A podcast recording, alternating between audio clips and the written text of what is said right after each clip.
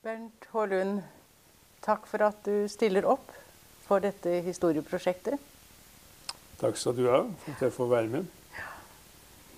Din siste yrkestittel er eh, ambassadør. Du eh, har vært Norges ambassadør til Namibia. Ja. Det er kanskje en tilsnikelse, men Fordi jeg var jo ikke noen yrkesdiplomat på noen måte. Jeg kom dit fordi jeg arbeidet med bistandssiden i offentlig forvaltning.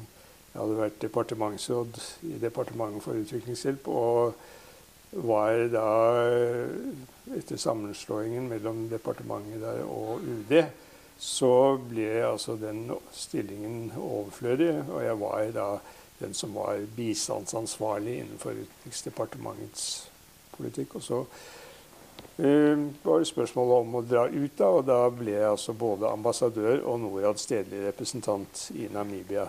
Mm. Og hadde Angola som sideakkreditert land. Det var en veldig interessant oppgave og tid rett etter frigjøringen. Mm. Full entusiasme mm. og, og, stor optimisme blant de svarte lederne der. Flott. Og du er fortsatt engasjert der ja, nede? Eh, takket være Namibia-foreningen så har jeg holdt kontakten. Og har uh, gjennom Namibia-foreningen hatt en del oppdrag som alt sammen har vært Norad-finansiert. Og disse oppdragene går alt på undervisning. Og nå er det to veldig interessante prosjekter for to forskjellige urfolkgrupper. Hvor det dreier seg om skolebarn som faller utenfor skolen som pga. Eh, enten eh, nomadetilværelse eller at de rett og slett ikke har noe skriftspråk. Det er spennende. Mm. Jeg skal ikke gå inn på alle dine stillinger og verv. Men jeg har lyst til å nevne at du var sykehusrådmann i Oslo fra 1967 til 69. Og finansrådmann fra 1970 til 1975.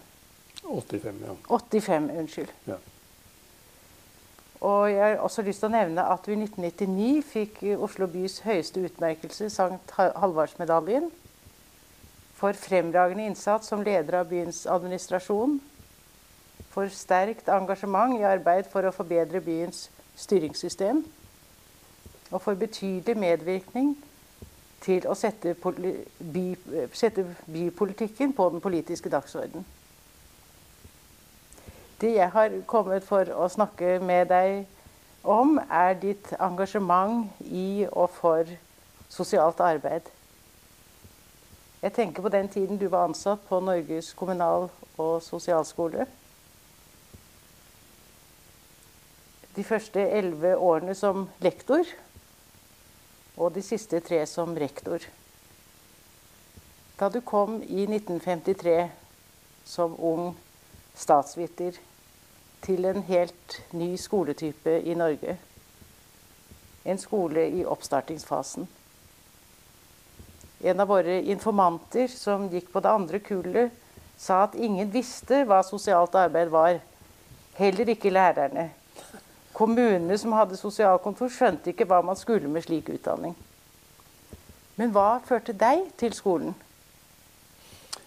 Det var vel et uh, sosialt engasjement rent generelt. At jeg, jeg var opptatt av uh, selve denne oppgaven å utdanne folk for denne sektoren, og også for så vidt for offentlig administrasjon i kommunesektoren.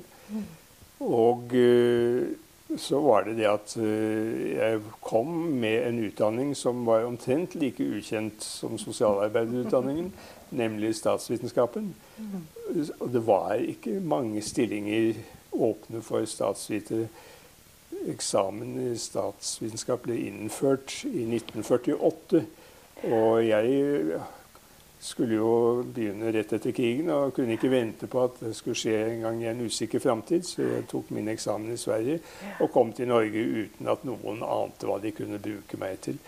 Så jeg gikk rundt omkring og forsket litt, sa jeg. Men jeg var altså forskningsassistent på Institutt for samfunnsforskning de første årene. Da, og så Så jeg var på, etter, eh, på jakt etter jobb, Mm. rett og slett. Det var ikke mer hederlig eller Men det var, det. det var kanskje ikke tilfeldig at du valgte Nei, den det var ikke det. Og jeg må si at det var jo en skole som var midt i blinken, altså på alle måter faglig sett. Og når det gjaldt miljø, og også kontakten med praksisstedene og de stedene hvor, som vi utdannet for. Og jeg selv, som da kort tid etter at jeg ble ansatt, også ble valgt inn i Oslo bystyre, nemlig i 1955, jeg hadde da den enestående muligheten å se teori og praksis i sammenheng. Og se hvordan eh, det vi underviste i, egentlig var anvendelig og ble oppfattet ute i det praktiske liv gjennom de politiske vervene jeg hadde. Det var da først og fremst i barnevernsnemnda at jeg var den første tiden, men så var det da på hele sosialsektoren etter hvert. Jeg tenker på, Vi nevnte i stad den boka 'Tidsvitner', hvor Ja. du har et eh, bidrag. Så sier du jo der også at du At for meg var det, etter at du kom hjem i tiden etterpå, så sier du sitat For meg var det viktig å engasjere seg. Viktig å være politisk engasjert. Arbeide for å utjevne forskjeller. Ja. ja. Så når jeg leste det, så slo det meg at det kanskje ikke var tilfeldig at du Nei da, rent eh, Jeg ville inn på, på det sosiale området. Og jeg kan kanskje si at det var litt unfair overfor kommunallinjen. men, eh, men ettersom jeg jo da også var jo sterkt kommunalt engasjert, og ble det enda mer etter at jeg sluttet på skolen, så kan jeg ikke si at jeg ikke har vært aktiv på det området. Men det var, det var på det sosiale feltet at jeg ville uh, finne mine oppgaver. Og egentlig følte at jeg hadde, hadde et budskap.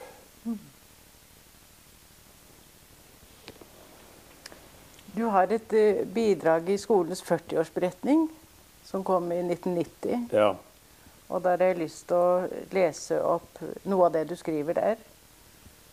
For du sier at etter hvert ble det klart at sosiale reformer ikke løste alle problemer for alle tider for alle mennesker.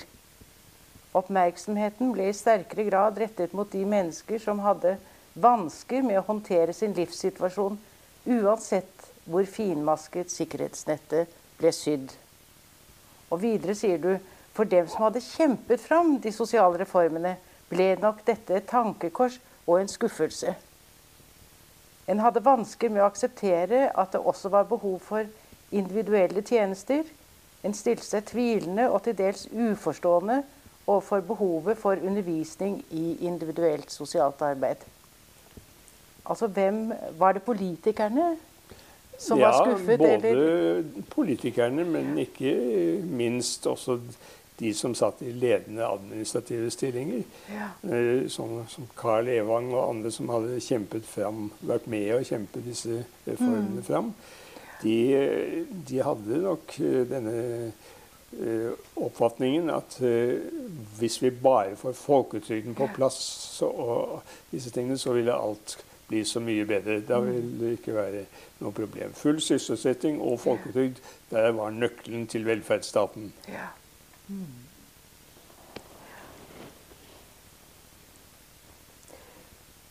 Du sier også i, i samme artikkel at eh, det ble i slutten av 1950-årene utkjempet en veritabel kamp for å få sosialt arbeid med på undervisningsplanen. Og enda mer for å skape aksept for at det i dette faget skulle undervises av kvalifiserte sosialarbeidere. Var det innad i skolen, eller var det utenfor? Jeg vil si at eh, her sikter jeg til innad i skolen. Men eh, den kampen ble ført like mye utad å overkomme den skepsis som var til stede blant arbeidsgiverne for denne nye medarbeidertypen i den kommunale forvaltning spesielt. Eh, Den forsvant jo ikke i og med at man fikk en sterkere profesjonaliseringsgrad hos sosialarbeiderne. Tvert imot. Den ble eh, kanskje enda sterkere. Fordi skepsisen vokste jo dyktigere disse sosialarbeiderne ble, nesten. og, så den merker man kanskje den dag i dag, for hva jeg vet. Men eh, jeg ser jo iallfall at eh, det var ikke bare det at de krevde mer bevilgninger. Og det var jo problematisk nok i mange kommuner. Men det var jo også det at eh, de kom inn som konkurrenter på et område hvor det ikke hadde vært noe krav til spesielle kvalifikasjoner tidligere. Mm -hmm.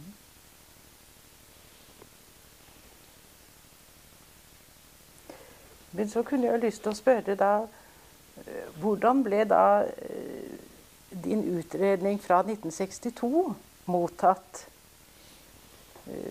Eh, hvor du foreslo at sosialt arbeids metoder skulle være hovedfaget, og at kvalifiserte sosialarbeidere skulle undervise. Ja, da må jeg nesten gå litt tilbake i tid til de tankene som gjorde seg gjeldende hos noen ledende norske sosialpolitikere innenfor Arbeiderpartiet først og fremst. Mm. Og det var i forbindelse med å komme vekk fra den gamle, tradisjonsrike forsorgsmåten mm. eh, å bidra med hjelp, sosialhjelp og, og over på en, en ny form som skulle altså karakteriseres ved dette begrepet av sosial omsorg, hvor man mm. gikk inn og så på behovene på en helt annen måte mm. og, og hadde et opplegg for hver enkelt klient. Og eh, dette var en prosess som eh, begynte i begynnelsen av 50-åra, og som, som Gudmund Harlem da står for som eksponent for, kan du si, som sosialminister. Og da han ble sosialminister i midten av 50-åra, så, så, så han seg omkring i den sosiale administrasjonen og så at han trodde ikke at de reformer han hadde inne i huset at de kunne gjennomføres uten at man fikk en annen type personale ute i gjennomføringsorganene. Og dermed så, så han seg om hvor er mønsteret egentlig. Og så hadde han vært i USA og Canada, og han hadde veldig tro på de to landene. Særlig Canada kanskje var, sto for ham som et, eh, et, område hvor de hadde eh, rustet opp hele sin sosialforvaltning med kvalifiserte folk. Ok, Så skulle han ha noen til å dra dit og se nærmere på dette. Og så spurte han meg om jeg var interessert. Og det er klart at det var jeg. Og dermed så ble jeg sendt dit og hadde da Han ordnet med at jeg fikk et FN-stipend.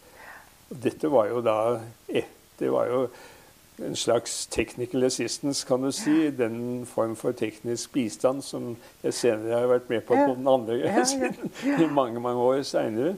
Men det var jo artig å være med på den tiden da Norge tenkte mhm. teknisk bistand mhm. fra de organer som drev med det i FN. Vel, så um, kom jeg tilbake da, og det var jo dette oppholdet i Canada og USA som eh, gjorde at jeg traff en helt annen type sosialarbeid enn dem jeg hadde sett i Norge. Mm. Og dette gjorde et meget sterkt inntrykk. Meget for sterkt. For sterkt inntrykk, var det noen som mente. De mente at det var helt frelst for den modellen som man hadde i USA. Det skal jeg ikke kommentere. Det har ikke vært min vane å være så frelst av amerikanske ideer. Men ja, det er mulig at uh, det var for sterk kontrast mellom det jeg hadde sett der, og det som var vanlig i norsk sosialforvaltning på den tiden. Slik at de som var vant til den gamle måten å organisere arbeid på, utføre arbeid på, de så på meg med stor skepsis. Og blant dem var jo da min sjef. Nemlig Liv Kluge. Og kanskje også han som jeg arbeidet mest sammen med som folkevalgt politiker i Oslo kommune, nemlig sosialrådmann Hans Cappelen. Mm. Som for øvrig alltid var åpen for nye ting, men som eh, alltid hadde en eh, sånn nøktern sans for hva som egentlig kunne gjøres om man ikke skulle velte opp ned på alt mulig.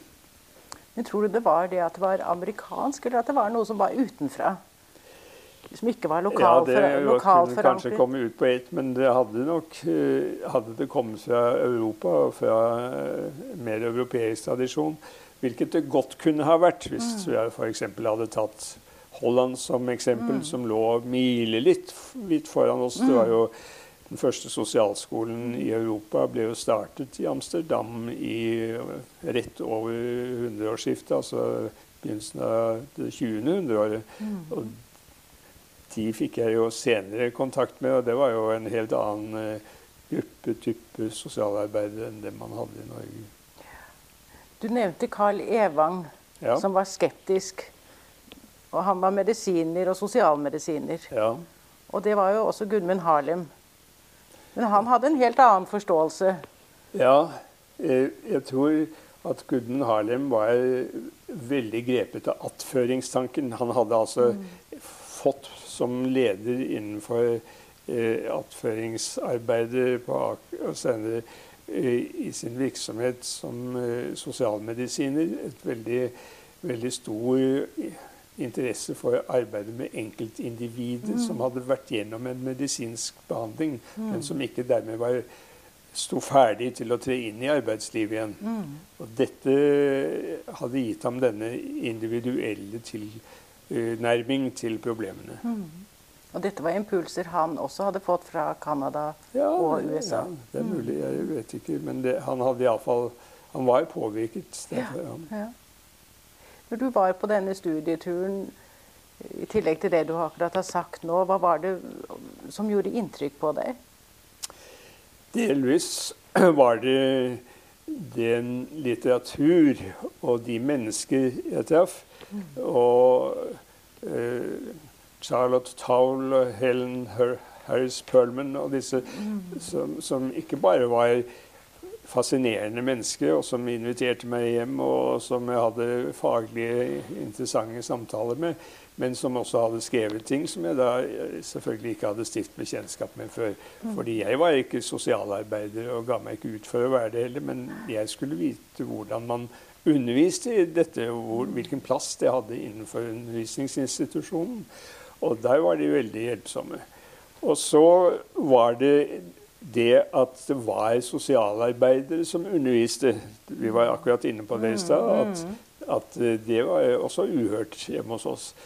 Og så var det det at de hadde jo organisert seg på en helt Ja, de hadde jo organisert seg på en profesjonell måte.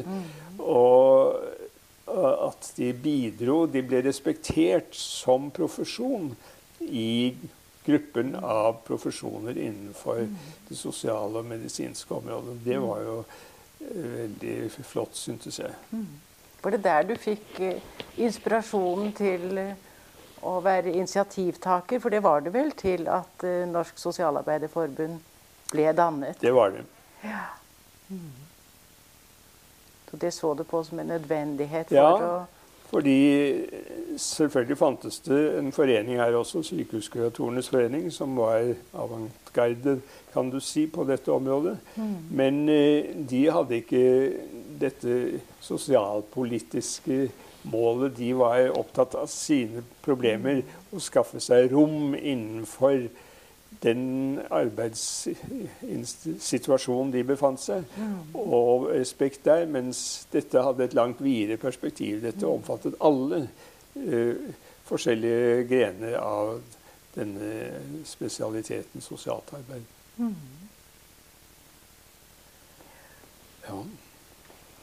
Eh, Men når du kom tilbake igjen da fra denne eh, studieturen og med disse ideene, var, var Du sa at din, din sjef og, og også rådmannen i, i Oslo kommune var litt skeptisk. Men, men hva med sosialarbeiderne? Hvordan reagerte de på For du har tydeligvis vært grep- opptatt av det. Ja, jeg må si at de grep det med begjær. De så på det som eh, jeg holdt på å si frelsen for eh, det, å komme ut av, av den, det miljøet de var kommet inn i, og, og, og få, få se seg selv i en ny rolle og bli anerkjent som en fullverdig medarbeider i det team av hjelpende profesjoner som da, da vokste fram, og som da egentlig sto tomt der hvor sosialt arbeid i andre land fylte en plass. Så jeg oppfattet det slik at det ble godt mottatt av dem som jeg hadde på skolen den gangen. Og det er jo folk som står meg meget nær den dag i dag. Det hele, det, de som gikk ut da i siste halvdel av 50-årene, ja, ja, helt fra de første kullene, de har jeg jo stadig nær kontakt med. Og de var med på dette. De var med Tor Kolsrud når det gjaldt å organisere norsk NOSO, og senere eh, også i hele utredningsarbeidet. Mm. Uri Grøsland var den første som var med meg og lagde en, eh, den første framstillingen hvor vi hadde fått i oppdrag å bare beskrive feltet i dag. Hvor finnes sosialarbeidere? Hvem er det som utfører sosialt arbeid? Hvordan er de plassert i forvaltningen og i private organisasjoner? Og dette gjorde vi da en statistisk undersøkelse over. Og det var liksom det første steget for å få kartlagt hvordan realiteten egentlig var, før vi gikk løs på undervisningsbehovet. Så dette var i sammenheng, og Da fikk du et oppdrag ikke fra Sosialdepartementet som det forrige, men fra Kirke- og undervisningsdepartementet. Nemlig fordi dette var et undervisningsspørsmål ja. som sorterte under Kirke- og undervisningsdepartementet. Ja. Og der uh, tok du også med deg sosialarbeidere, som du nevnte, Guri Grøsland. Ja. Uh, for i selve komiteen, som var offisielt oppnevnt, så var det ikke noen sosialarbeidere? Nei, og det var jo ikke offisielt oppnevnt. Men det var eh, en komité som skulle være rådgivende med en statsråd som sjef, Åse Bjerkholt. Mm. Og så eh, Kringlebotn, som var departementsråd i Sosialdepartementet, og Kåre Tronsmo mm. fra Kirke- og undervisningsdepartementet. Ingen av disse vil jeg kalle rådgivere på faglig plan, men de var der for å bringe dette ned på jorda og sørge for at det passet inn i dagens situasjon. Altså at jeg ikke løp løpsk. Og det tror jeg var veldig nyttig. De, men så hadde jeg da denne uformelle skyggeregjeringen, så å si, mm. som var mine nærmeste medarbeidere på det faglige planet, med mm. Gres og Åge Grøsland og Herman og andre som sto meg nær, og som kunne gi meg korreksjoner. Marta Hana og ja. Så da fikk du nytte av at det var dannet en en organisasjon. Ja, men det var nok mer sånn på De, de pekte seg ut da, som representanter for de forskjellige sektorer. Som de, så det, ja, så dem valgte jeg vel mer eller mindre ut selv som, som rådgivere. Ja. Mm. Marta Hana skriver om det i en artikkel i, i Sosionomen. Ja. Eh, om denne skyggekomiteen som hun var med i. Ja. Og at du var en meget lydhør mann. At de fikk komme med råd til deg og påvirket arbeidet. Ja, for jeg kjente jo i høy grad min begrensning. Og jeg visste jo at hvis jeg lagde noe som ikke hadde støtte blant sosialarbeiderne selv, mm. så ville det være helt omsonst. Altså, da, da ville det falle pladask på bakken. Så Derfor var det så viktig hele tiden å, å vite at jeg var inne på rett kurs det jeg skrev. Men jeg skrev jo med bakgrunn i mine erfaringer under dette utenlandsstudiet. Kan du si. Så det, det var jo sterkt preget av det.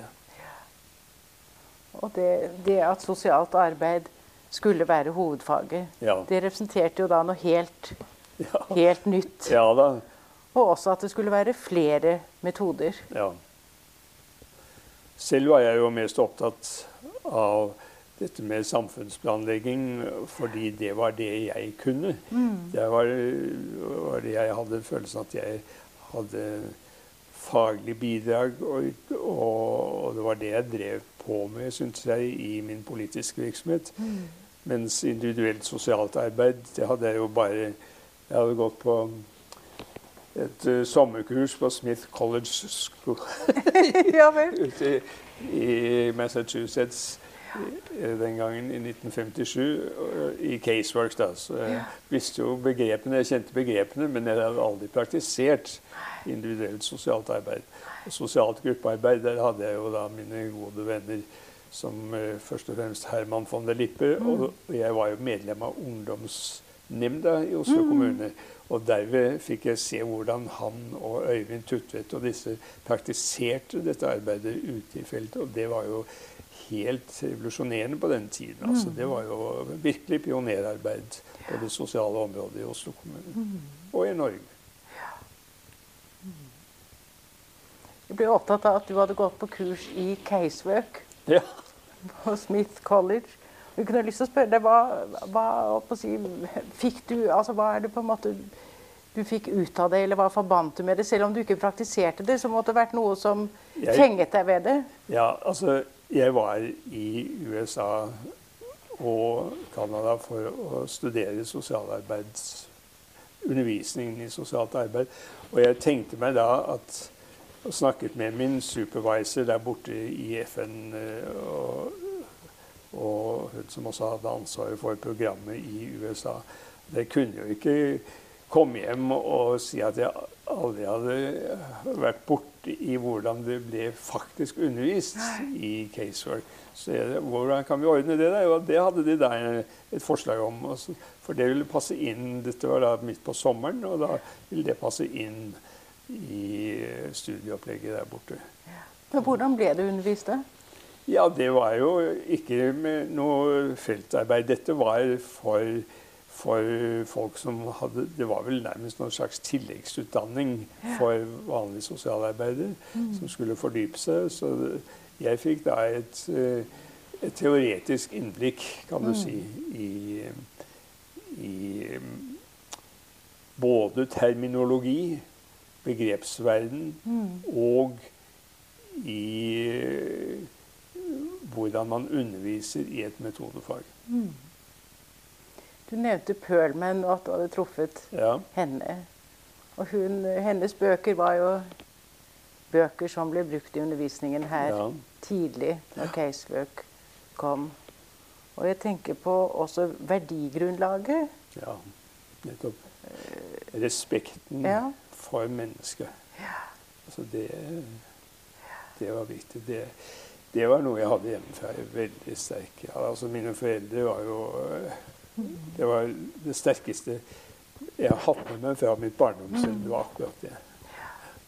Og med en bror med Downs syndrom, som også betydde veldig mye innsikt i hva det betyr å være, ha handikap helt fra starten av i det norske velferdssamfunnet.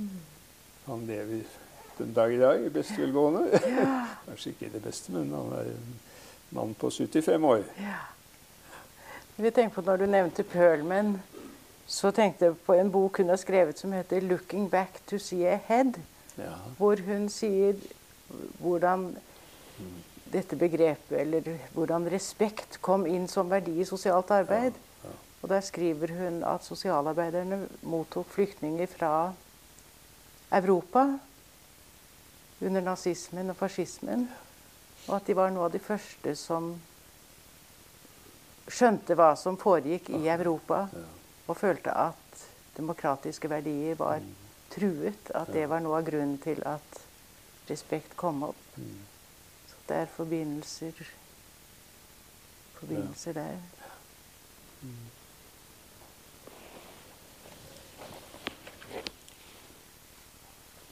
I forbindelse med, med, arbeidet med denne utredningen om sosialarbeiderutdanningen i, i, Norge, så har du uttalt at, du, at man måtte komme bort fra dilettanteriet og amatørismen og borgerlig veldedighet.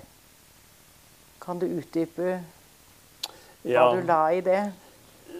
Det jeg var opptatt av, det var at uh, i norsk sosialforvaltning hadde man arvet en arbeidsmetode fra Tyskland, det såkalte Eberfeld-systemet, hvor det var de folkevalgte selv mm. som foresto en del av klientarbeidet. Bl.a. den oppsøkende virksomheten i hjemmene, kartleggingen av en familie, av en familiesosial institusjon. I det hele tatt en slags sosialdiagnose.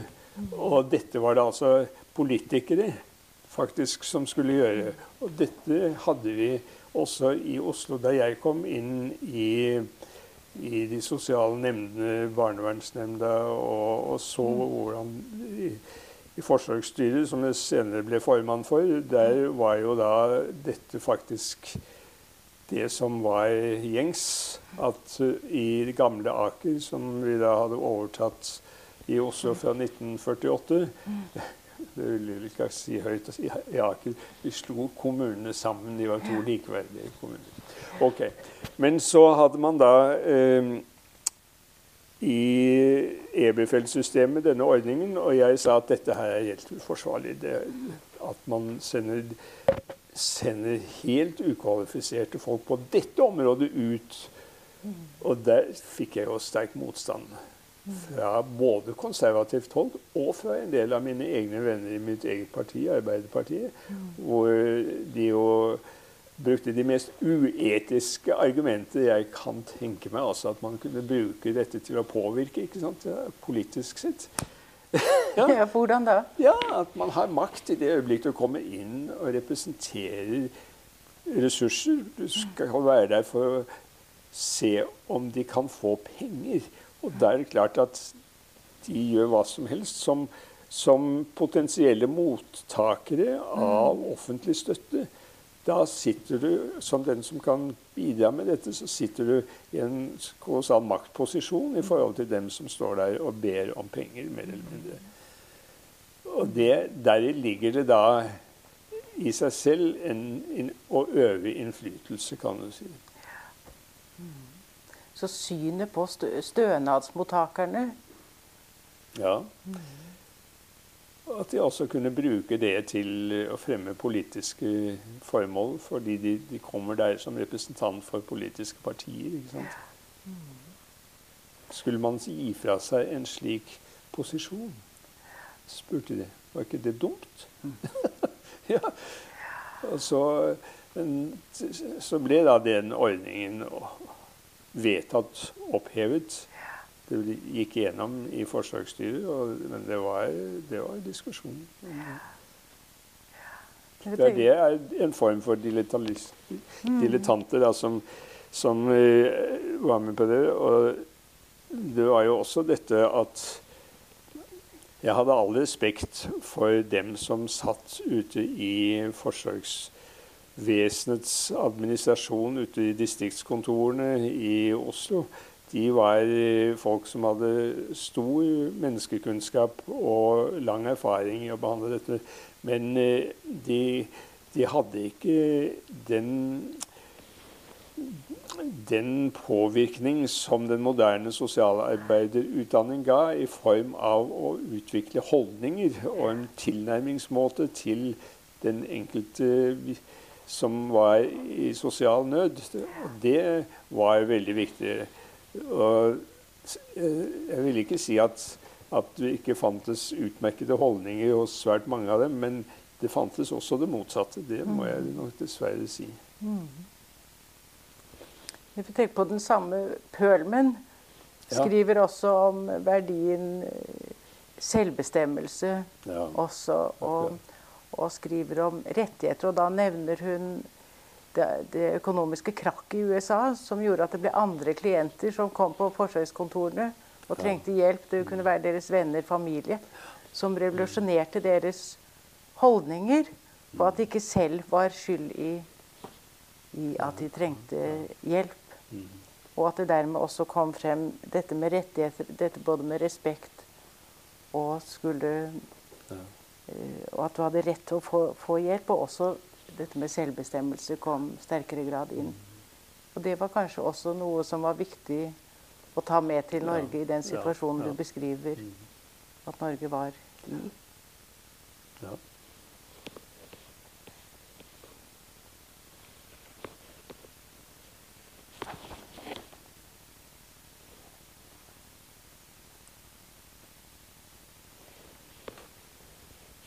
Omslaget på denne utredningen din er eh, Den var rød. Ja. En A4. En rød. Og, og den ble kalt Den røde bok. ja. Bernts lille røde ble den Bernt kalt. Lille Røde. Og Martha Hana, som da var lektor, og senere rektor i Trondheim, Ja. på sko høyskolen der, hun skriver at uh, den i mange år ble alle sosialskolelæreres håndbok. Så vel grunnfagslærere som metodefagslærere. Og at det ble mer enn én gang sagt at det måtte en Bernt Lund til.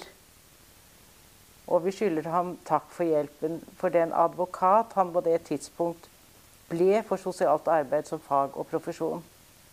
Og opplevde du deg som advokat for sosialt arbeid som fag og profesjon? Ja, det gjorde jeg. Absolutt. Ja. Det var egentlig det som ga hele arbeidet ved kommunal- og sosialskolen mening for meg. Det var nettopp det å, få, få gjort det. Og da den jobben var gjort, så hadde jeg liksom ikke noe mer Jeg følte at da var- hadde jeg gjort jobben min, så da sluttet jeg. For da jeg følte at nå kan jeg ikke fortsette lenger. Men det tok jo totalt 15 år. før jeg- for det første så var det jo den kvalitative siden ved det. Men så var det jo også den kvantitative. Og det var jo også noe som krevde eh, en viss form for kamp. Fordi de som satt ved disse institusjonene, de pekte på at de hadde ikke penger, men de gjorde jo heller ikke noe for å få bevilgninger. Fordi de, de, de trivdes egentlig med det formatet som deres institusjoner hadde. De ønsket ikke det merbelastning, det merarbeid som, som besto i å plutselig skulle fordoble kapasiteten. Så der hadde vi også en kamp, altså. Ja, jeg tør ikke si hvor illojal jeg var overfor min sjef, men Men det var Ja. Men du fikk en overveldende mottagelse, særlig av sosialarbeiderne. ja det gjorde det. Ja, jeg syns det Jeg hørte det vært sagt at, eh, at du har uttrykt eh, at den ikke måtte leses som en bibel. Nei! Stemmer ikke det? Nei, det vet jeg ikke. Nei. Det kan jeg ikke huske. Jeg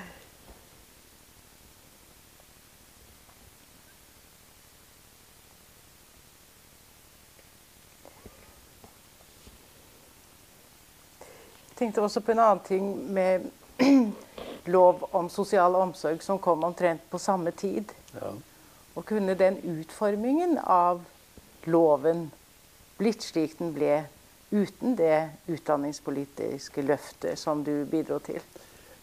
Det var vel det som var grunntanken i Gudmund Harlems idé med å sende meg av gårde og få dette løftet på utdanningssiden. Han så det slik som du nevner. Så for ham var det to ting som hang nøye sammen. Og det syntes jeg at vi oppnådde. Så jeg tror det var et klokt trekk. Det var forutseende. Så der var det et samarbeid mellom departementene, for skolen lå vel kanskje til å begynne med under Ikke noe formalisert. Det var jo uformelt, kan du si. Og dette at, at dette miljøet var så lite, så øh, man øh, Vel øh, Vi følte jo etter hvert at at vi kom til å spille en, en rolle i en reformprosess som var viktig politisk. Og det, det ga jo arbeidet en, en spesiell dimensjon. Det gjorde det absolutt. Vi tenker på også at uh, i lovteksten si, ble det nedfelt det at man skulle se på de individuelle behovene Ja. hos enkeltpersoner og familier. Og kunne stimulere ressurser både i enkeltpersoner og familier og omgivelsene. Ja. At forebyggingsaspektet også kom. Familiebehandlingsprinsippet Ja. som vi forsøkte å gjennomføre i sosialadministrasjonen på det tidspunktet. Ja.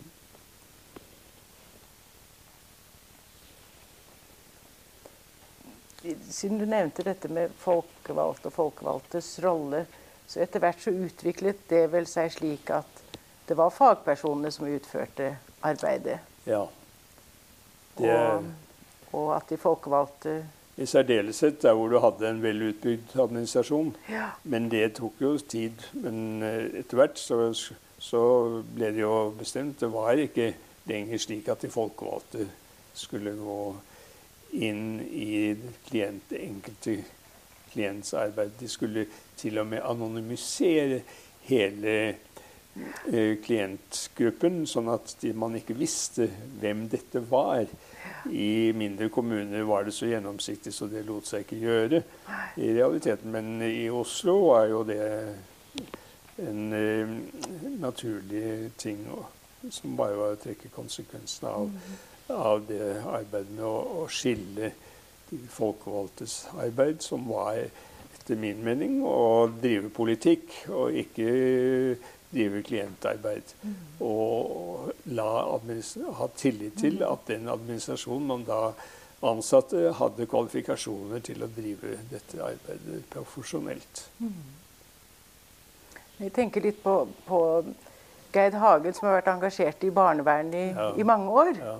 Hun har ved noen anledninger sagt at uh, hun beklager at politikerne er tatt bort fra barnevernsarbeidet.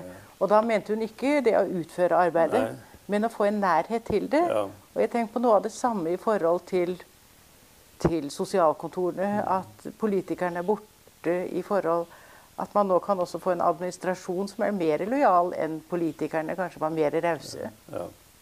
Men uh... Ja, jo, jeg skjønner det, og det, men det henger jo litt sammen med administrasjonens evne til å framstille problemene slik at de ser, politikerne ser eh, eh, de, de politiske problemstillingene i materien. Sånn at de kan se hvilke muligheter de har til å komme med sitt bidrag, som jo er først og fremst å skaffe ressurser til dette i konkurransen om ressursene med de andre forskjellige utmerkede formål i kommunen. Så det er, Og det er vel kanskje en oppgave som sosialarbeiderne i liten grad kanskje er flinke til.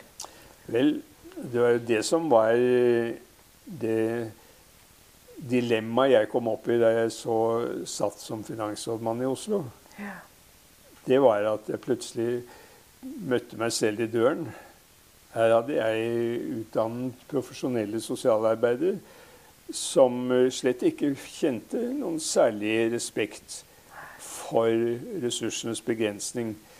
Og det var jo et lojalitetsspørsmål for sosialarbeiderne. Hvor gikk deres lojalitet? Gikk den til klienten, eller gikk den til den forvaltning som de var ansatt i? Og jeg hadde jo egentlig lærte meg opp til at den gikk til klienten, og så gjaldt det å ro dette i land igjen. da.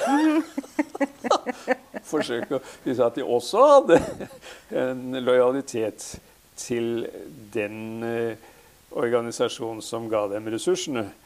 Og at de, når det først var satt opp en grense, så kunne de ikke gå utover den. Da måtte de holde seg til den.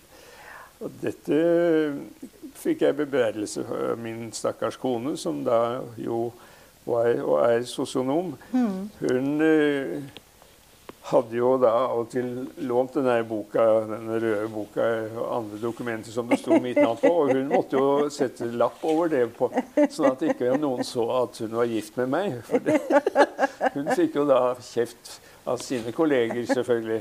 Nei, det var en mer pinlig affære. Nei, Det er dilemmaer som er, Ja, nemlig. er der. Du, til, til, eh, til, eh, til slutt Hvis du ser tilbake på ditt uh, yrkesliv, er det en rød tråd fra tidlig politisk engasjement, interessen og engasjementet for sosialt arbeid og sosialarbeiderutdanning, sykehusrådmann, finansrådmann og ambassadør i Namibia? Ja, det er det jo ikke tvil om. Men det, den tråden Utdanning er ett element som jeg nesten har engasjert meg i hele veien. Altså, eh, jeg har følt meg som en pedagog i veldig mange sammenheng, også som administrasjonssjef i kommunen vis-à-vis politikerne. Det måtte ikke komme for tydelig til uttrykk. men, men, det var jo min oppgave å forsøke å fortelle dem hva de kunne gjøre, og hva de ikke kunne gjøre. På en sånn måte at de ikke ble støtt. Øh, og med all respekt for at de var mine sjefer, men det var tross alt grenser som jeg representerte, som jeg måtte skape respekt for. Så, men at jeg nå, også etter at jeg ble pensjonist, kunne få vende tilbake til ting som jeg hadde vært engasjert i hele veien gjennom mitt yrkesliv, var en fantastisk ting og et privilegium. Jeg har jo hatt utredningsoppdrag. Først var det da spørsmål om overgang fra, fra arbeidssituasjon til pensjonisttilværelsen. Fra Arbeid til pensjon het den utredningen, og var egentlig den utredningen som tok opp de prinsipielle spørsmålene i samband med pensjonsspørsmålet og tidspunktet for pensjonering og måten man ble pensjonert på. Alle de mekanismer som forhindret at folk ble sittende så lenge i arbeidslivet hvor de faktisk kunne være og yte en innsats, og hadde lyst på det også.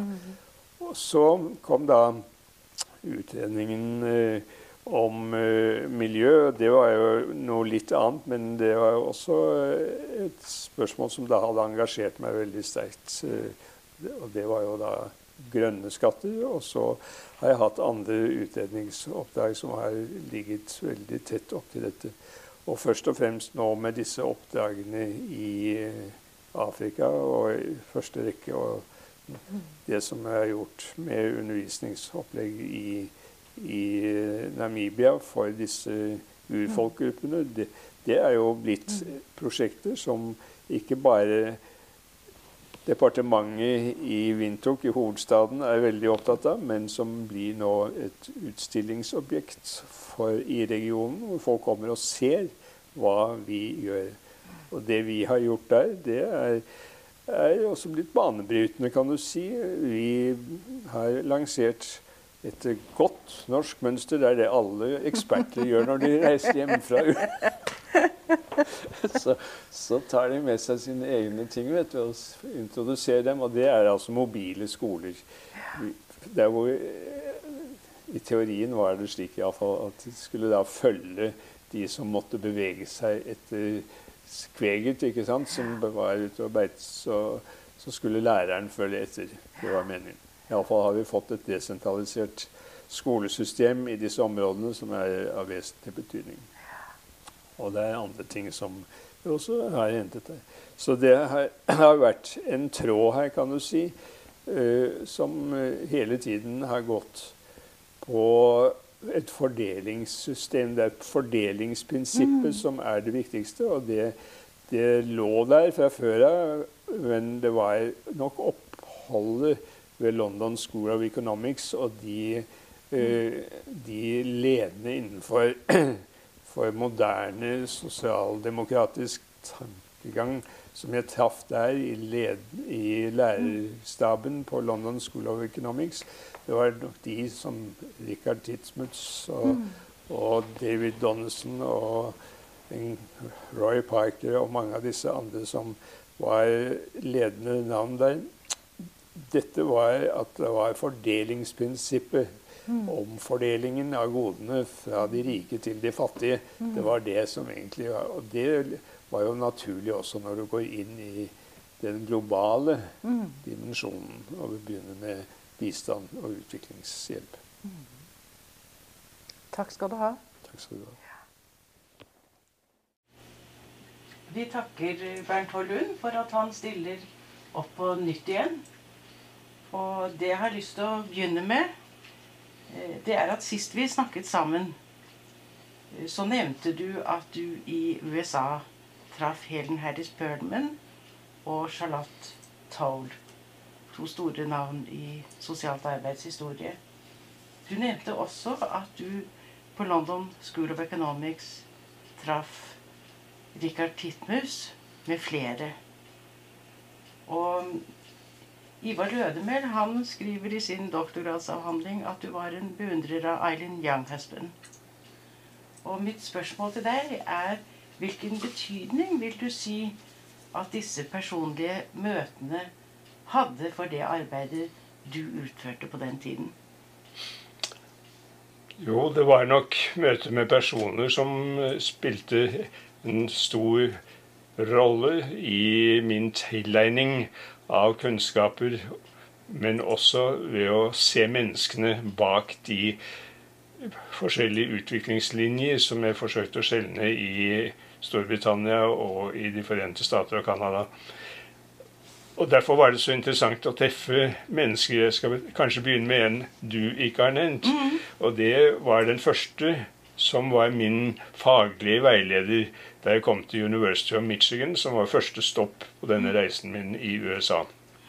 Og det var en mann som het Wilbur Cohn, som eh, var på det tidspunktet professor i sosialpolitikk ved universitetet. Men han hadde en bakgrunn som den store reformator av trygdeverket i USA skulle man tro at det fantes ikke noe sånt mm. på det tidspunktet, men det gjorde det.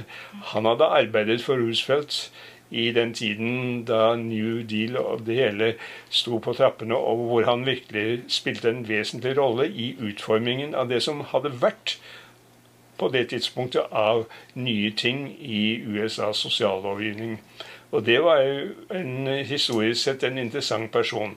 At han senere ble undervisnings- og helseminister, det gjorde jo ikke mindre interessant, men det ble han altså da i en senere demokratisk regjering. Men så dro jeg fra Michigan og over til Chicago med store forventninger om å treffe disse to personene som du også nevnte, nemlig Charlotte Towle og Helen Harris Perlman. Jeg må si at uh, Charlotte Towle var jo den som var mest kjent på det tidspunktet hos oss. Hun hadde en stor produksjon bak seg og var en av pionerene, hadde jeg inntrykk av. Hun hadde en lang tid bak seg som eh, lærer og skribent, og var meget respektert. Og det var jo bare en ære, og syntes jeg, å få møte henne og høre hennes forelesninger også. Jeg fulgte noen av dem i en stor forelesningssal. Men eh, Helen Harris Perlman var jo et nyere navn for meg. Og derfor var det spesielt interessant å få en eh, mer personlig kontakt med henne. Hun, eh, ved siden av at hun eh, var veldig opptatt av min, mitt studium der borte, så var hun også opptatt av å stifte nærmere personlig bekjentskap med meg. Så hun og hennes mann inviterte meg hjem i forbindelse med den jødiske tradisjonen med passover, påsketiden. Og da skal man etter jødisk tradisjon invitere en fremmed delta, som kan delta i deres markering av denne høytiden. Og det som interesserte meg spesielt da, og som, som fikk meg virkelig til å, å tenke litt Jeg har hatt mange jødiske venner gjennom årene, men ingen av dem har innviet meg i de jødiske tradisjoner. Så i løpet av ganske kort tid så fikk hun for alvor øynene åpne på meg for tradisjoner og betydningen av det. Og Det som jo er interessant, var at der sitter det et moderne menneske med en vitenskapelig holdning, faktisk. Det må jeg si. Hun, hun hadde jo det. Og så var hun så innforlivet med og en del av disse tradisjonene at det var en helt naturlig ting for henne at jeg også skulle få ta del av dette. Og det syns jeg var en stor ære også, for å være med på dette. Og det stor respekt av en slik eh, holdning til overleveringene. Så det var virkelig en opplevelse. Eh, hennes uh, bøker ble jo da relativt snart trukket inn i undervisningen her hjemme også. Og jeg hadde jo gleden av å, å da ha dette personlige forholdet i minne når jeg leste den første boken av henne, og, og så hvordan den kunne komme til nytte i vår undervisning. Så for å si noen ord om London School of Economics Det hadde alltid vært min drøm å få lov til å studere der, fordi for en radikal uh, student så var dette selve sentrum uh, i radikal politikk, som ikke bare i undervisning, men også den rollen skolens lærere spilte når det gjaldt å gi råd til regjeringen, først og fremst til Labour-regjeringen. Og den store uh, velferdsreformen som kom etter krigen, den jo, skrev seg jo i stor utstrekning nettopp fra miljøet i uh, London School of Economics. Det var der de hadde sitt fotfeste, de fleste av disse professorene som ble trukket inn som rådgivere. Vi har jo sett noe av det samme i Norge. Kanskje mindre av det i dag enn det var den gangen Arbeiderpartiet satt regjeringsmakten rett etter krigen. Jeg husker jo hvordan Fisch og Hovelmo spilte en sentral rolle i opplegget av den økonomiske politikken og ga råd i Finansdepartementet. Og den samme måten brukte man altså disse størrelsene i regjeringen i England. La meg da starte med det navnet som først og fremst trakk meg dit, og det var Richard Titsmus som var den store sosialpolitiker. Og jeg har lyst til å vise et bilde av ham, hvis ikke alle kjenner ham. Jeg tror alle må bli forelsket i en sånn person som dette. Fordi han eh, var jo et så nydelig menneske og en, en så fintfølende person. Og det var jo mange som Jeg tror mange gikk på forelesningen hans bare for å oppleve ham som person. Og det var en fantastisk opplevelse. Så Titmus ble da den som jeg skulle ha direkte kontakt med etter anbefaling fra British Council. Så det var han som tok ansvaret for å legge opp mitt studieopphold. Og det var jo også veldig hyggelig.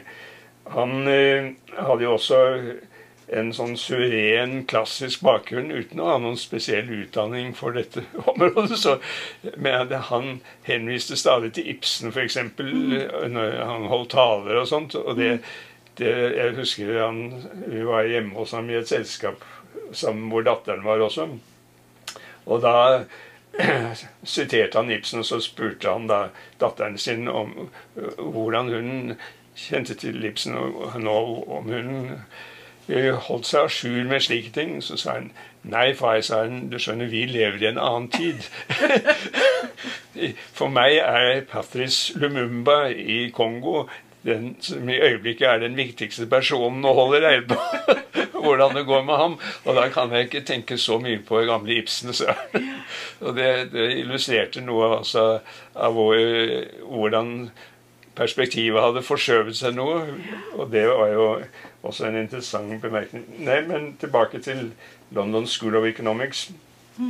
Jeg kom dit på et tidspunkt hvor jeg hadde trodd og håpet å få treffe min jeg holdt på å si gamle venninne Eileen Young Husband. Henne hadde jeg jo truffet fordi jeg var kommet med i den internasjonale organisasjonen for sosialskoler.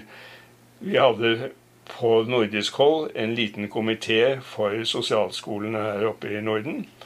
Og av de som var særdeles aktive fra svensk side, var Maria Almqvist, som var lærer i sosialt arbeid på Sosialinstituttet, som det het en gang, i Stockholm.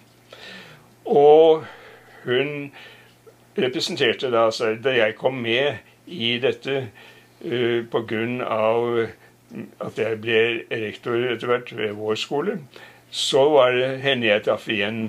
Og det ble da min nærmeste kontakt der. Og hun var representant for Norden i denne internasjonale sosialskoleorganisasjonen. Og da hun så ville trekke seg ut, så anbefalte hun at jeg skulle gå inn i hennes sted.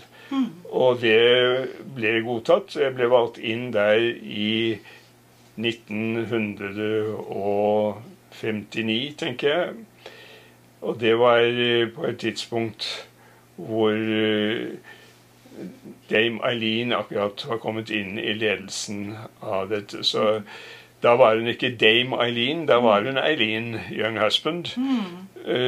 men hun mottok meg da med åpne armer, og, og, vi ble veldig gode venner.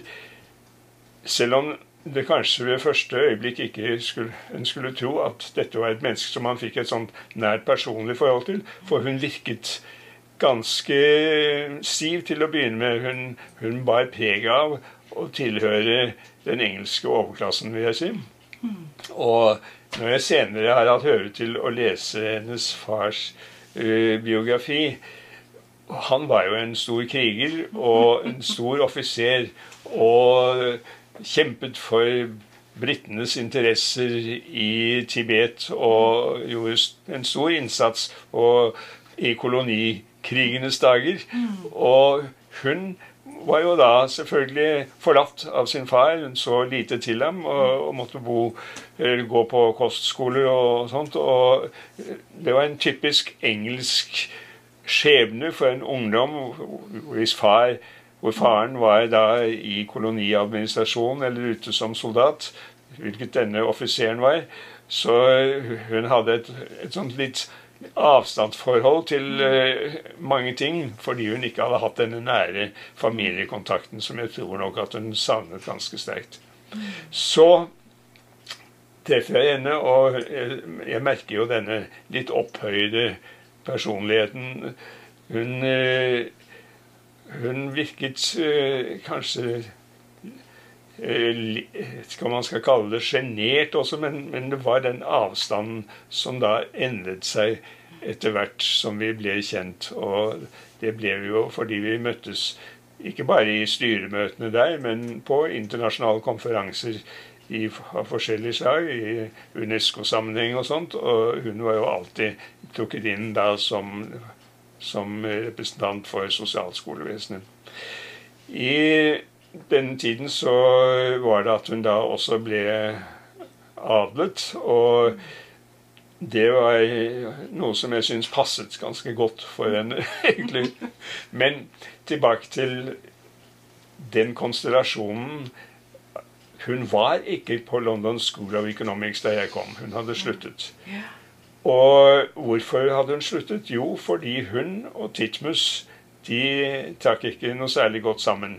De hadde respekt for hverandre som personer, men faglig sett så sto de ganske langt fra hverandre. Og den motsetningen den illustrerer noe av det som vi var inne på tidligere i en samtale vi hadde i annen film, et annet filmopptak, nemlig den klassiske oppfatningen av hvordan sosialarbeiderutdanningen skulle drives i Norge. Man skulle basere seg på juss og sosialvitenskaper og tro at man ut av det utviklet sosialarbeidere. Og Titmus representerer vel egentlig denne skolen, kan man si, som da ikke var enerådende London School of Economics, men som selvfølgelig spilte en ganske stor rolle pga. de personer som mm. utøvde denne funksjonen og hadde disse, disse professoratene. Og jeg husker da hvordan eh, han på, i et foredrag og sånt forsøkte å illustrere dette, denne forskjellen mellom din, den individuelle tilnærming og det som var hans budskap, den mer politiske tilnærmingen. Og selv om det ikke var noe partipolitikk i dette, så var det likevel den, det samfunnsmessige engasjementet som han eh, sto som eksponent for. Det syns jeg var interessant at det kunne føre til et brudd, fordi jeg hadde jo merket at jeg i noen utstrekning kom i en slags konfliktsituasjon. Selv var jeg rekruttert fra samfunnsvitenskapene med statsvitenskapen min som bakgrunn. Og så havner jeg da som talsmann for den individuelle tilnærming. Så du kan si at her var det noe som ikke rimte. Og for meg så så jeg da dette bruddet som hadde funnet sted ved London School of Economics, og som gjorde at Eileen kom over i en annen meget viktig institusjon, nemlig National Institute for Social Work Training, sammen med Robin Hughes Jones, som ble den første direktøren der. Og der kom hun til å spille en veldig stor rolle i utdanningen av lærere for sosialarbeiderundervisning rundt omkring i Storbritannia. Det var jo ikke noen egentlig grunnutdanning de drev på med, men det var nettopp videregående utdanning og læreropputvikling. Og det var, det var et slags ressurssenter og standardsetter i britisk sosialarbeiderutdanning i de årene hvordan dette har utviklet seg, vet jeg faktisk ikke. Men jeg har jo hatt kontakt med Robin Hughes Jones senere, og det har vært interessant å, å følge dette. Uh, Eileen eh, døde jo under tragiske omstendigheter ved en bilulykke i USA, så det tok da slutt. Men eh, først etter at jeg hadde forlatt scenen, kan man si. Mm. Mm. Jeg tenker, tenker, på når du sier denne konflikten mellom disse, disse to, ja. så er det på en måte en parallell til det du fortalte sist om Carl Evang og Gudmund Harlems syn. Ja, nettopp. Ja. Og da tenker jeg på også at uh, Charlotte Towl At hun var opptatt av ikke bare reform. Sier at det er noe av det hovedtunge er reform. Men det andre er også møte det enkelte individs behov for, og at sosialarbeideren skulle drive, eh, bidra til å styrke den enkeltes personlige vekst og utvikling. Ja. Det var nettopp det som um, var Det som manglet i den norske velferdsstaten på det tidspunktet. Det er vanskelig å forestille seg det i dag. Mm. Fordi man vil vel Kanskje hvis en av de som arbeidet i sosialadministrasjonen denne gangen, ble konfrontert med den uttalelsen nå, så ville de benekte at individet ikke var målgruppen.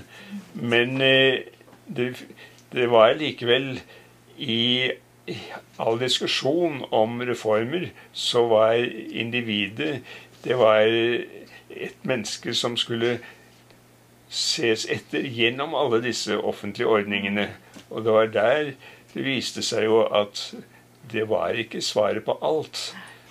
Og nettopp dette gjorde at det var behov for en ny tilnærming for å nå den enkelte. Mm. Og der kom Casework ja. inn. Ja.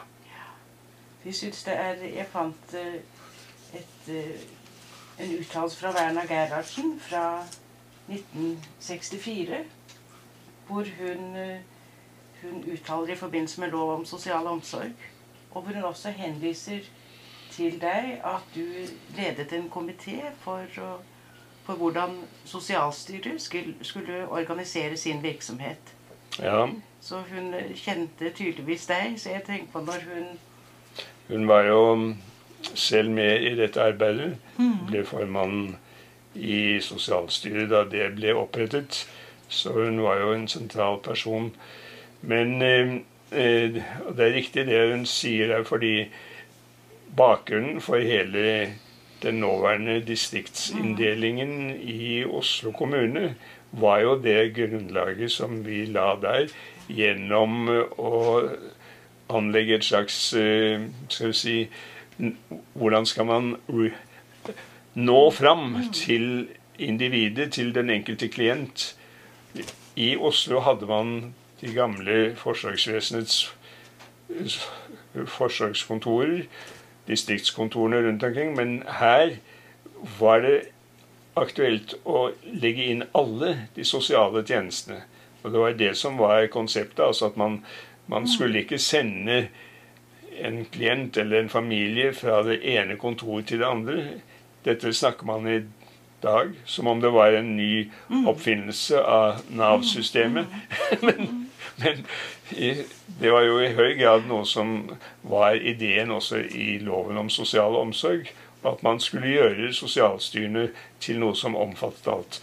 Vi hadde jo nemnder for alt mulig rart. For barnevern, for edderskap osv. Og, så videre, og, så og de hadde jo da de førte jo en kamp om ressursene seg imellom. Og samarbeidet med dem var slett ikke alltid så godt. Så her forsøkte vi da å bygge ned disse spesielle sektorinteressene og skape en helhet. Og da skulle sosialstyret være kvintessensen her, som hun da fikk ansvar for å lede den første. Og da var det altså spørsmål om hvordan dette skulle organiseres. Og så så vi på muligheten for å nå ut til hele bysamfunnet gjennom distriktskontorer. Så vi kan si at det som i dag er bydelsforvaltningen, det ble eh, startet opp som distriktskontor innenfor sosialforvaltningen, og så utviklet det seg gradvis til det det er blitt i dag. Mm. Hvor familiebehandlingsprinsippet var det rådende, ja, som du også nevnte ja, sist.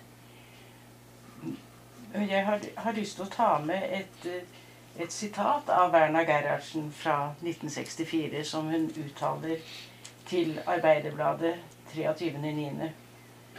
Hun sier at lov om sosial omsorg gir et langt videre perspektiv enn bare det å gi hjelp i form av pengebeløp for å holde nøden fra livet. Siktemålet er ikke bare å lindre nød, men å gjøre menneskene lykkelige. Det var et ganske dristig utsagn. Ja. Men jeg syns når jeg leser Charlotte Toll, så sier hun noe av det samme. At man skulle ikke bare lindre, holde nøden fra livet, mm. men man skulle også hjelpe mennesker å leve, ikke bare overleve, er hennes uttrykk. Ja, nettopp. Og det var jo så så viktig at man så at det var ikke bare det å overleve, som du sier. altså Man kan si at selve attføringstanken som Gudmund Harlem mm.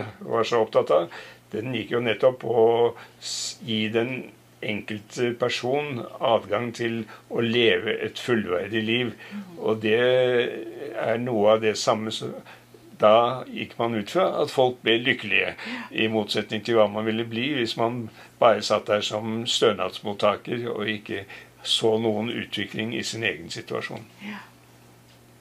Så jeg tenker på at dette var også budskapet fra ja. både Perlman og Toll. Dette med å stimulere, at sosialarbeideren har som oppgave også å stimulere menneskelig vekst og utvikling. Akkurat.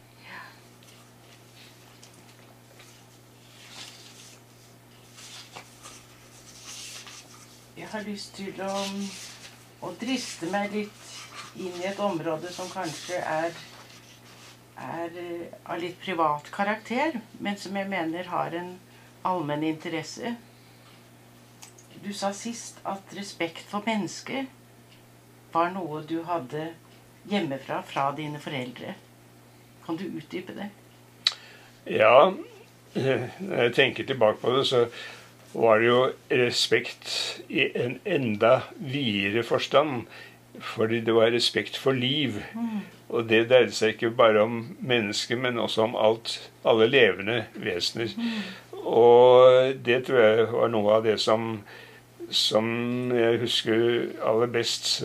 Hvordan mor og far Kanskje mor spilte den mest aktive rollen i dette, men det var dette å, å verne om liv og, og, og, vise at alt liv har sin verdi. Det pussige var jo, hvis jeg kan bruke det uttrykket, at hun ble kveker. Fordi dette er jo en, en kjerne i kvekerdommen. Og nettopp dette at hun eh, fant uttrykk for denne sin grunnholdning i en eh, religiøs bevegelse. Det syns jeg var så heldig og fint for henne. Og jeg må si at eh, selv har jeg også sett ved det inntrykket jeg har fått av kvekernes ideologi, hvis man kan si det slik, religion og praksis, hvordan de nettopp legger dette til grunn for mm. sin virksomhet. Og det at menneskelivet er hellig og ikke kan krenkes, det var også årsaken til at man ikke skulle ta liv, selvfølgelig, og som gjorde både kvekerne og meg, selv om jeg ikke var kveker, til pasifist. Og derfor ikke kunne delta i noen form for militæropplæring eller militær tjeneste. Jane Addams, som er også en av pionerene Ja, i sosialt arbeid, har jeg lest kom fra en kvekerfamilie. Ja. Og når jeg gikk til leksikon for å se kjennetegn på kvekerfamilier, så var det også en antiautoritær religiøs Ja. bevegelse, slik jeg oppfattet det. Riktig. De hadde jo ikke noen, eh, noen prest, noen ypperste prest, hadde jeg nær sagt, som, som fungerte som Du hadde en skriver som kalte inn til møtene og sånn, men man satt der, og alle var likeverdige. Det var ingen overordnet i den forsamlingen. Det var en som jobbet for de andre, men overordnede fantes de. Alle var like.